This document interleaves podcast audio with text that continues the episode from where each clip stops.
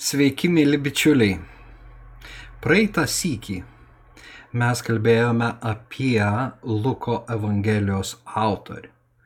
Mylimąjį apaštalo Pauliaus bendražygį, gydytoją Luką, kuris buvo pašauktas Dievo užrašyti Evangeliją ir kurią mes skaitome praėjus beveik dviem tūkstančiam metų. Šį kartą aš norėčiau jūs supažindinti su teologijos gyja, kurią Lukas plėtoja. Pagrindinė gyja Luko Evangelijoje, apie kurią aš užsiminiau jau praeitą kartą sakydamas, kad iš sinoptinių autorių vienintelis Lukas vartoja mums taip mielą ir žinomą žodį gelbėtojas. Jėzus gelbėtojas yra Luko indėlis į krikščionišką teologiją. Ir išgelbėjimas, soterija yra labai ryškus akcentas Luko naratyve. Kaip jis tai daro, mes būtent šiandien ir pažiūrėsime. Bus tikrai įdomu, skaitysime Luko Evangeliją ir iš tiesų tik tas vietas, kurių nerasime jokiose kitose Evangelijose visame Naujajame testamente. Taigi, tai jau Luko teologijos ypatumai. Ir pirmoji vieta yra iš tiesų vienas sakinys, į kurį aš atkreipiau dėmesį ir pagalvojau, kad Lukui pavyko, kaip niekam kitam, trumpai pasakyti Jėzaus Kristaus misijos žemėje esmę. Štai kaip. Žmogaus sūnus atėjo ieškoti ir gelbėti to, kas pražuvę. Na, žmogaus sūnus yra mesijinis titulas, kurį mes randame jau uh, Danieliaus pranašystėje. Tai yra judėjų eschatologinis titulas apibūdinantis mesiją. Taigi mesijo ateimo į Izraelį tikslas ieškoti ir gelbėti to, kas pražuvę. Ir šitos žodžius um, Jėzus pasako Zachiejaus namuose, vyriausiojo mokesčių rinkėjo, kuris labai norėjo pamatyti Jėzų, bet būdamas mažo ūgio turėjo užsiropšti į medį ir kuriam Jėzus pasakė, Zachėjau, lipk žemėn, aš šiandien turiu būti tavo namuose.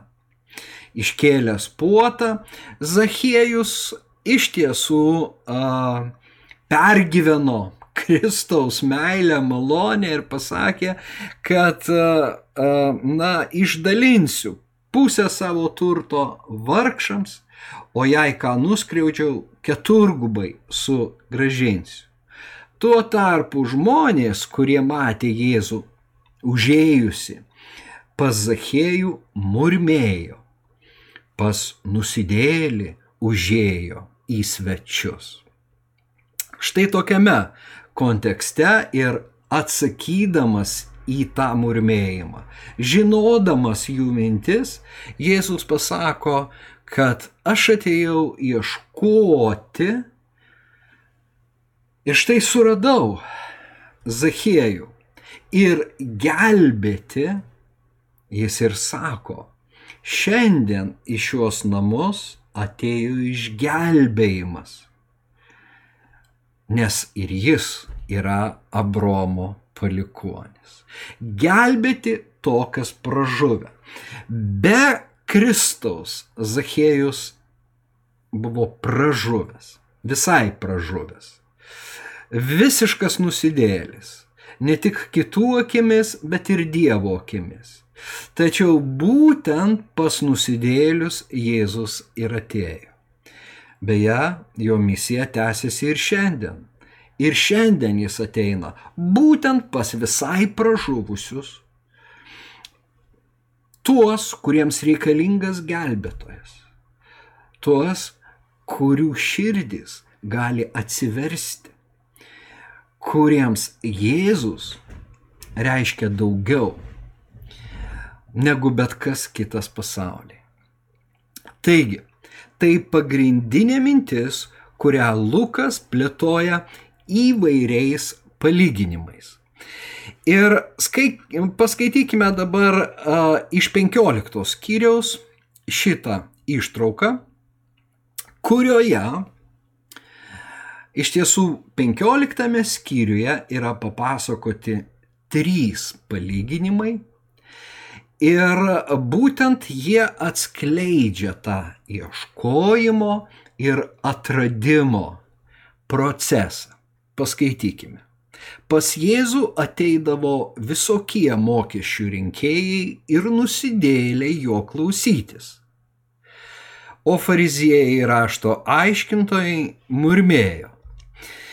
Identiška uh, pradžia, identiškas kontekstas, kaip mūsų skaitytame jau 19 skyriuje, na, neskaitytame, aš perskaičiau tik tai vieną pagrindinę mintį, bet visą kitą nupasakojau, ten, nupasakojau, ten pasakyta lygiai tas pats, kad visi murmėjo.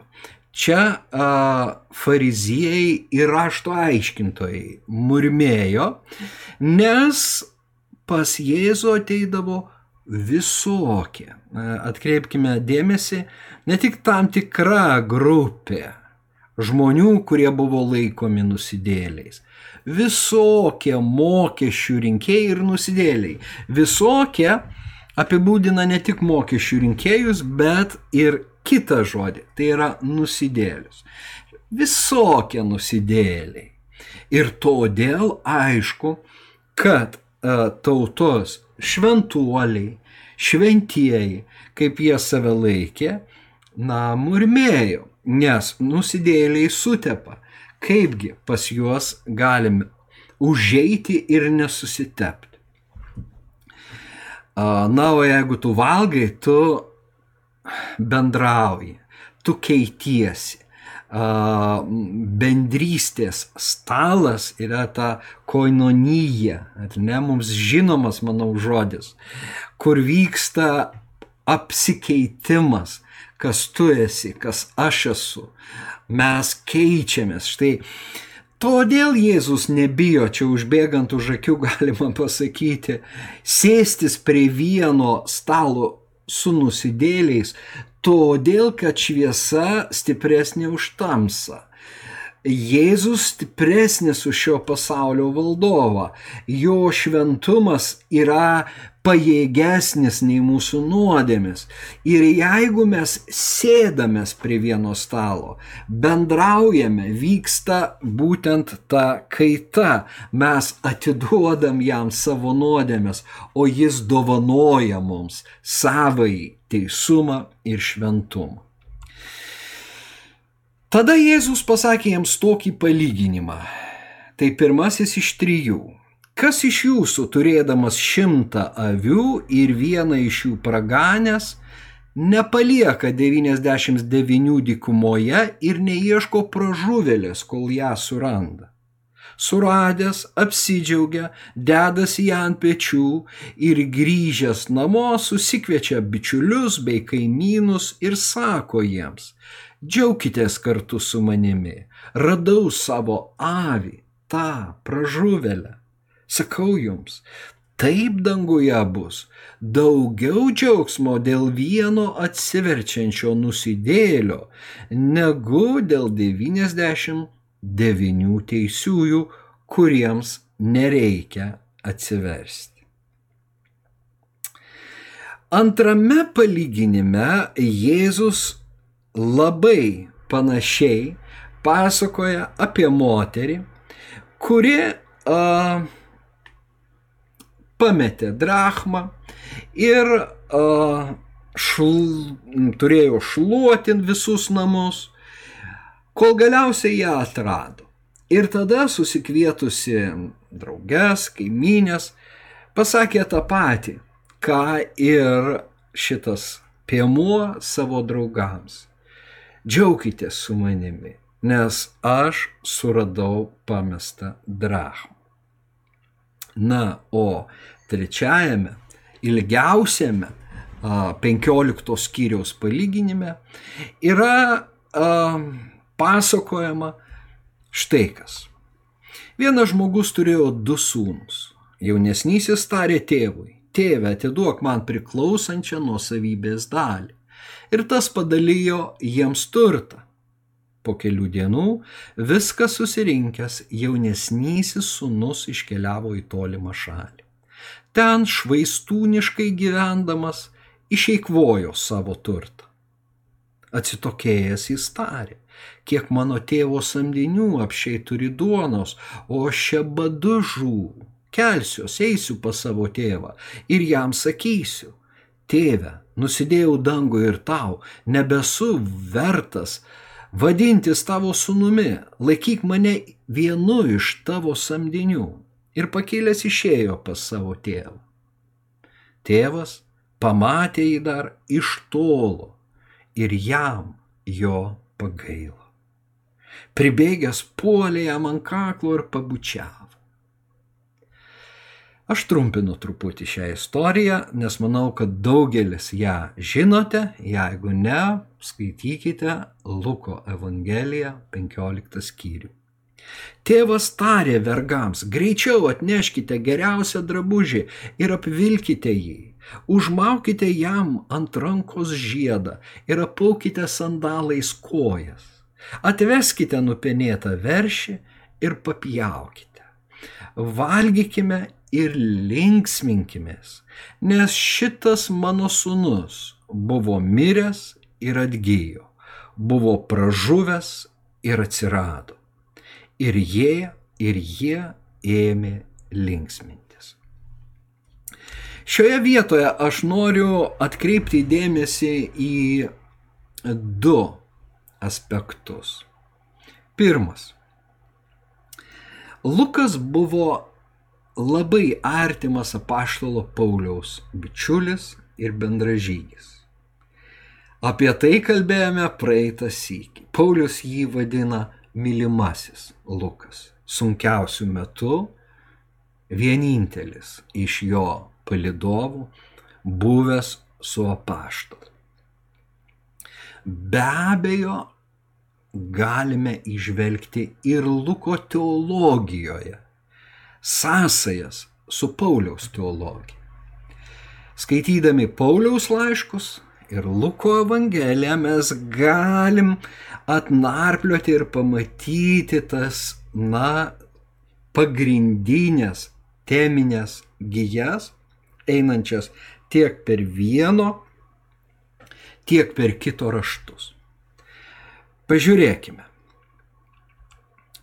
Ir jūs, kurie buvote mirę savo nusižengimais ir kūno neapipjaustimu, Dievas atgaivino draugę su Kristumi, atleidęs mums visus nusižengimus. Ištrynė mums potvarkiais priešišką skolos raštą ir sunaikino jį, prikaldamas prie kryžiaus. Laiškas kolosiečiams. Dabar laiškas efeziečiams. Dievas apstus gailestingumu. Iš savo didelės meilės, kurią mus pamilo, mus mirusius savo nusižengimais atgaivino kartu su Kristumi. Malonę esate išgelbėti. Atkreipkime dėmesį, jūs, kurie buvote mirę savo nusižengimais ir mus, mirusius savo nusižengimais.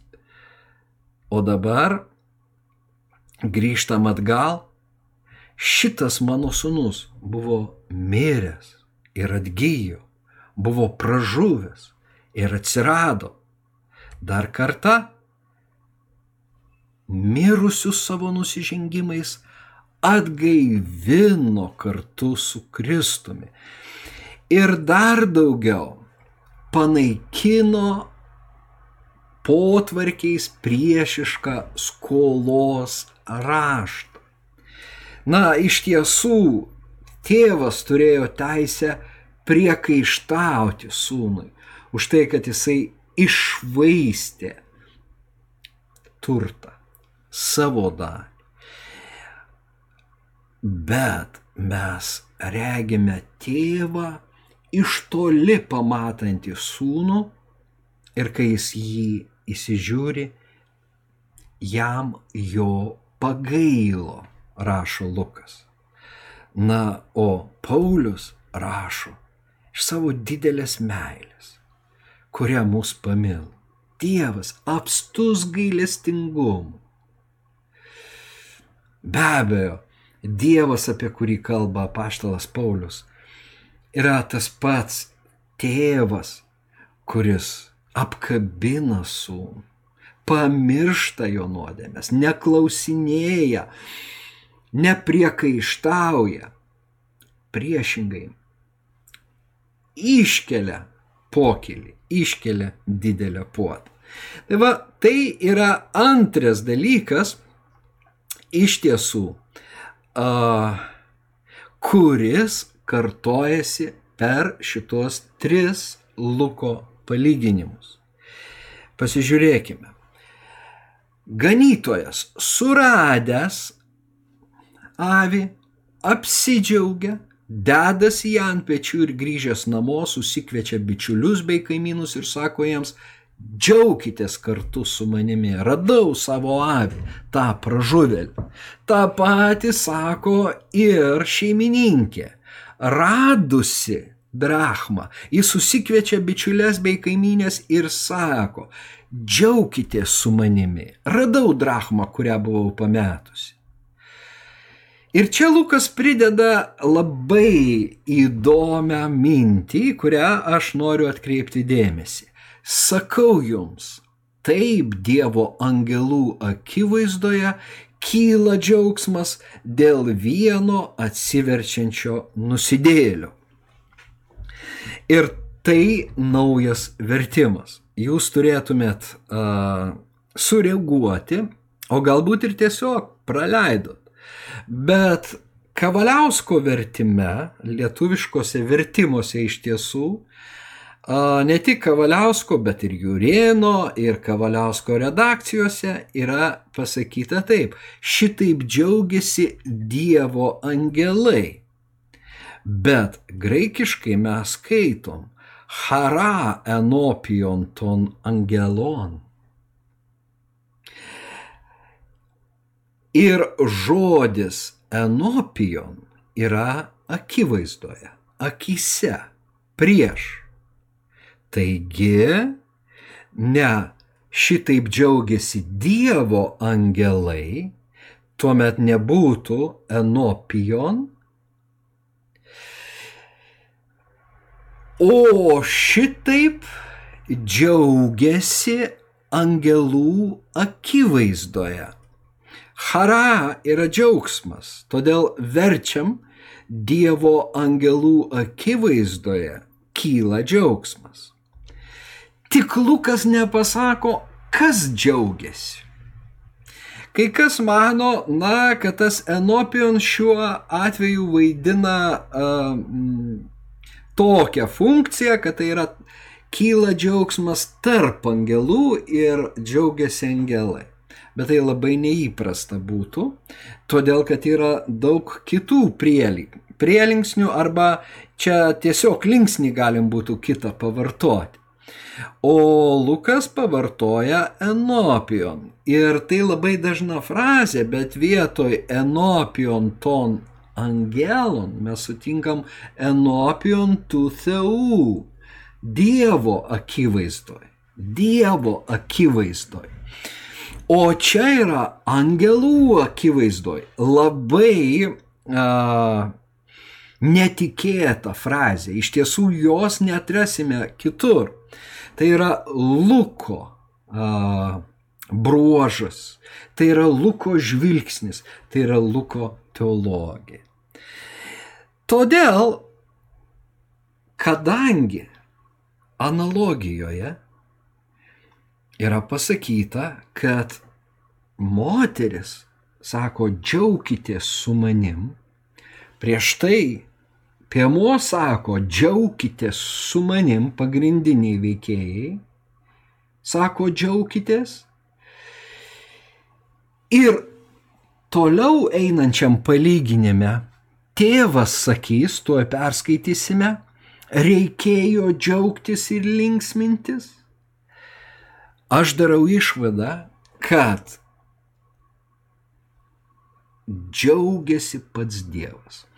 Ne a, kas nors kitas, o pats Dievas angelų akivaizdoje. Ir kai nusidėlis žemėje grežiasi į Dievą, Dievas džiaugiasi. Dievas džiaugiasi. Angelai yra apsalę, sakykime.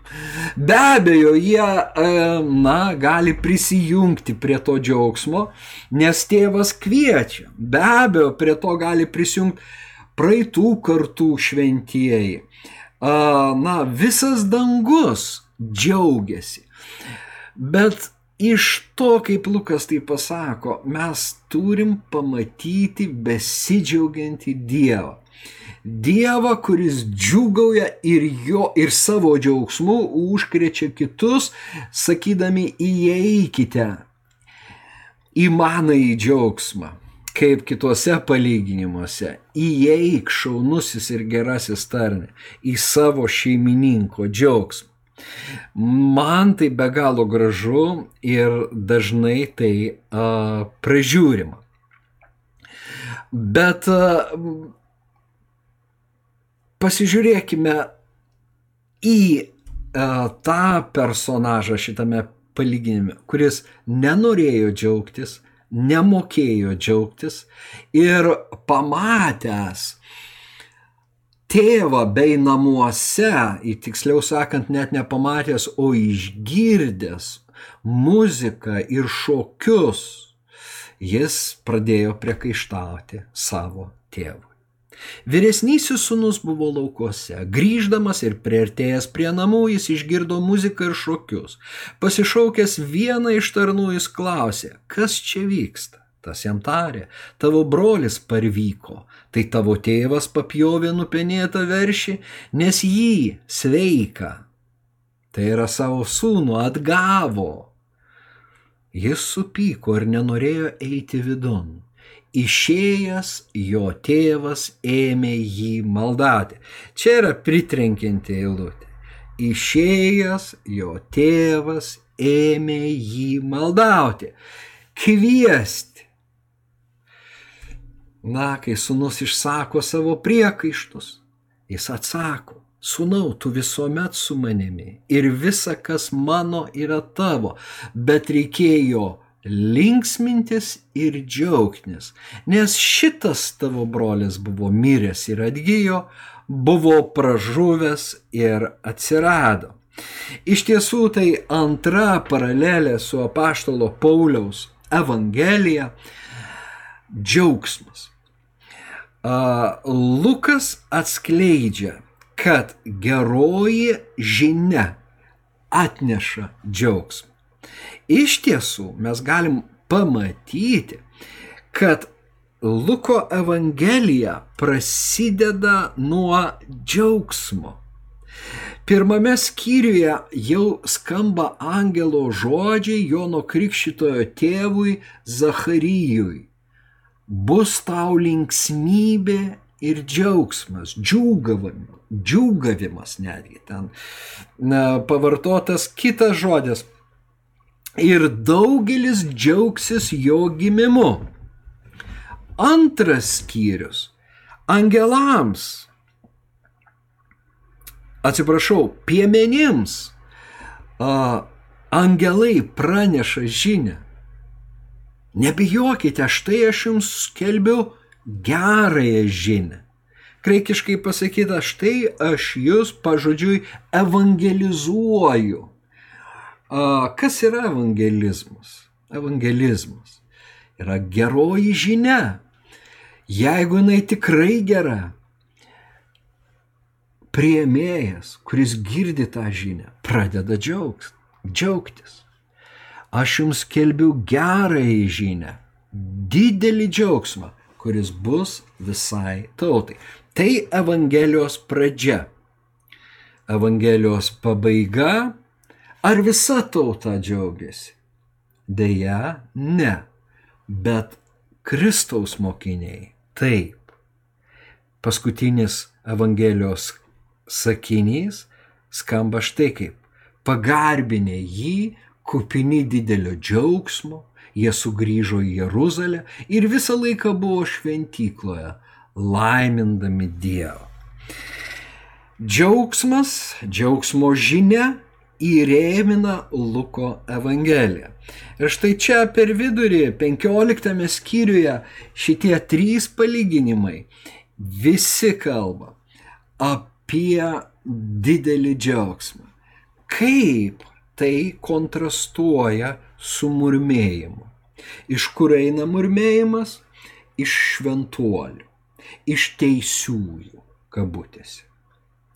Ir Lukas tą labai paryškina ir paryškina, na, daro tai meistriškai.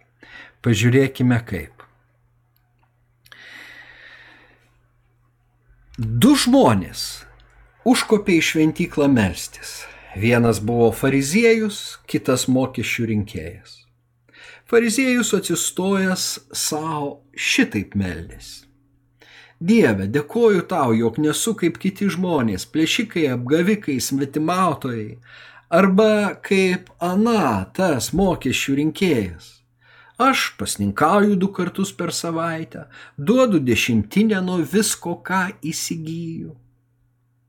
O mokesčių rinkėjas nuo šaliai stovėdamas nedryso nei akių į dangų pakelti, tik mušėsi į krūtinę tardamas – Dieve, būk gailestingas man nusidėlį. Sakau jums, šitas nuėjo namo išteisintas, ne anas. Kiekvienas, kas save aukština, bus pažemintas, o kas save žemina, bus išaukštintas. Štai koks kontrastas. Ir vėlgi, šitie du charakteriai, šitie du portretai skaitytojui čia pat primena du tėvo sūnus.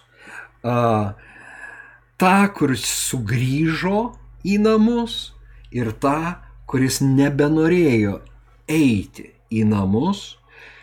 Kodėl? Todėl, kad namuose atsirado nešventas jo brolis.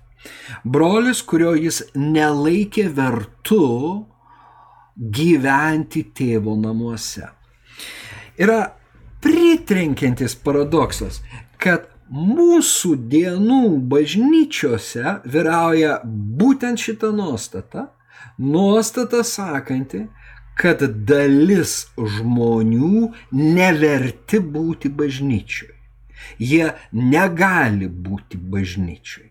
Jie yra išstumti, atskirti už namų durų. Bet jeigu staiga mes apverčiam viską ir tėvas sukviečia nusidėlius pas save, kas ir buvo Jėzaus tarnystės misijos tikslas, jis atėjo ieškoti ir gelbėti to, kas pražuvė ir štai jie mato visokie mokesčių rinkėjai ir nusidėliai susirinkę aplink Jėzų pas Jėzų, na tada mes ten nebeisime. Tada mes laikysime atstumą. Jis, jie nešventi, nevirti.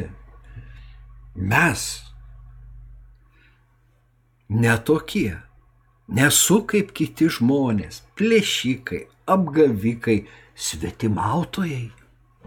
Nesu toks. Ir štaiga visai kito pobūdžio malda iš to a, netinkamo vėl Dievui žmogaus lūpų. Lukas atkreipia dėmesį ir pasako, jis stovėjo atokiau, nuošaliai stovėdamas. Ir iš tiesų mes kalbame apie Dievo tautos paribius. Dievo tauta ir tada paribiuose tie netinkami. Tai vad įdomu, kad todėl Jėzus sako, palieka 99 ir eina pas vieną. Jis palieka tą centrą ir eina į paribius, į užribį praktiškai. Ten, kur nevalia būti, ten Jėzus yra. Ir a, iš to užribio skamba šitą maldą, Dieve būk gailestingas man nusidėliu kaip gražu. Na ir dabar žiūrėkite, pradėkime nuo šitos maldos ir eikime Luko Evangeliją atgal. Dieve būk gailestingas man nusidėliui yra vėl atskira tema maldų. Tėve, nusidėjau dangui ir tau, nebesu vertas vadintis tavo sunumi.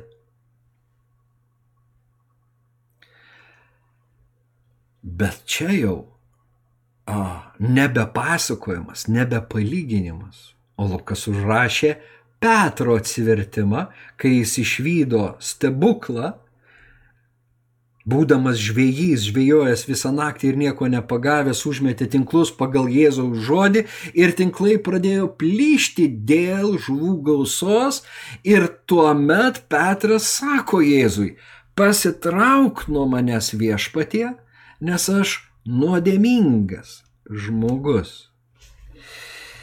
Taigi mes pamatome, kad ne tik mokesčių rinkėjų ieško Jėzus, ne tik tai nusidėjėlių, bet ir dvylika apaštalų ir jo komanda, jo artimiausi bičiuliai yra būtent tie žmonės, kurie pripažįsta savo nuodėmingumą, kuriems reikalingas soter, gelbėtojas, kurie suvokia, kad ne savo jėgomis įgys išgelbėjimą, kad savo jėgomis neįmanoma išsigelbėti. Kiek aš besistengčiau, ką bedaryčiau, kiek gerų darbų bedaryčiau, kokia didelė dešimtinė mano bebūtų, kiek kartų į savaitę bepasninkaučiau, kiek švenčių bešveščiau, kiek šabo besilaikyčiau ir taip toliau, ir taip toliau su visais tais potvarkiais priešiškais mums, nes jie mus kaltina tuo met, kai mes jų neįvykdome, o mes nuolatos jų neįvykdome, peržengėme Dievo įsakymus. Todėl mums reikalingas ne įstatymas su savo potvark, potvarkiais, o Jėzus su savo gerąją žinia, su Evangelija. Ir ne tik mums, kiekvienam žmogui. Tai yra geroji naujiena. Jis dovanoja išgelbėjimą. Uždyka. Ateik pas jį, atsiverk ir išlik bendrystėje su juo. Taškas. Viskas. Būsi su juo rojuje. Jis yra tavo gelbėtojas. Jis gailestingasis ganytojas. Bet Aš manau, jūs jau girdite, va, kokius žmonės Jėzus suranda. Ir Lukas regi, kalbėdamas jau savo kartos žmonėms, tai yra jau vėliau, tiems mylintiems Dievą, tiems teofiliams, kad jų širdis turi tokia būti. Jų širdis turi būti būtent tokia o ne tokia, kokia buvo pas fariziejus ir rašto aiškintojus. Na ir paskutinė istorija, e, kurią e, mes ir baigsime, yra irgi tik Luko Evangelijoje, Štai kokia. Vienas fariziejus pakvietė Jėzų kartu pavalgyti. Atėjęs į fariziejaus namus, jis atsisėdo už stalo. Atkreipkime dėmesį, kad a, Jėzus myli fariziejus lygiai taip pat kaip mokesčių rinkėjus. Ir tėvas ne tik apkabina sukryžusi iš svetur ir išvaiščiusi turtą sūnų, bet jis maldauja, maldauja ir vyresnį sūnų, kuris niekur nebuvo išėjęs, pas, grįžti namo, susitaikyti su broliu, priimti brolį taip, kaip tėvas jį priėmė. Todėl čia mes matome, tėvas ir sunus yra viena. Ir sunus sėdasi prie stalo, jis atviras, jis turi ką duoti, bet ar gali iš jo pasiimti? Ir štai tame mieste gyvenusi moteris nusidėjėlė, štai koks apibūdinimas. Moteris kokia moteris, nusidėjėlė, sužinojusi, kad jis vaišinasi fariziejaus namuose, atsinešė alebastrinį indą kvapio aliejaus ir iš nugaros pasilenkusi prie jo kojų, verkdama ėmė ašromis laistyti jam kojas ir šluostė savo galvos plaukais. Bučiavo jam kojas ir tepė kvapiuoju aliejui. Tai pamatęs fariziejus, kuris jį pakvietė, tarė savo, jei šitas būtų pranašas žinotų, kas kokia moteris jį liečia, kad ji nusidėjėlė. Jėzus jam atsakė, Simonai, turiu tau šitą pasakyti. Sakyk mokytojau, tarė šis. Skolintojas turėjo du skolininkus. Vienas buvo skolingas 500 denarų, o kitas 50. Jiems neturint iš ko gražinti, jis dovanojo abiem. Katras jį labiau mylės? Simonas atsakė, manau, jog tas, kuriam jis daugiau dovanojo. Jėzus tarė, teisingai nusprendė. Ir atsigręžęs į moterį tarė Simonui matai šią moterį? Aš atėjau į tavo namus, tu nedavėjai man vandens kojoms nusiplauti, o jį laistė man kojas ašaromis ir nušluostė savo plaukais.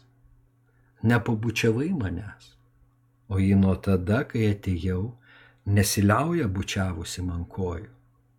Nepatepei man galvos aliejumi, o jį kvapiuoju aliejumi patepė man kojas Todėl sakau tau, jos gausios nuodėmės atleistos, nes ji labai pamilo. Kam mažai atleista, tas mažai myli.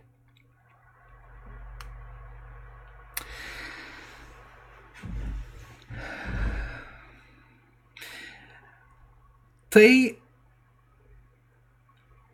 taip veria širdį Tai taip gražu.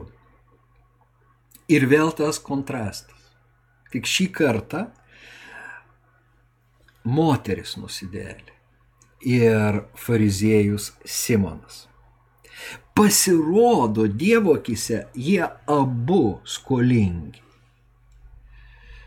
Tas skolos raštas gali būti įteiktas abiem. O Simonas galvoja, kad jis skolų Dievui neturi, kaip ir tas fariziejus, kuris užkopė į šventyklą melstis. Čia mes negirdime moters maldos.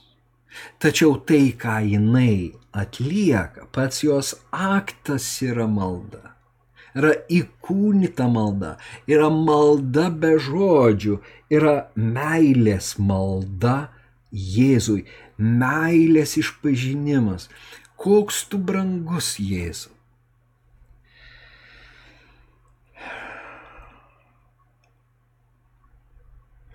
Ir kaip kitaip Dievo akise atrodo tie du žmonės. Taip, skolos rašte mažiau surašyta Simonų. Ten prirašyta daug.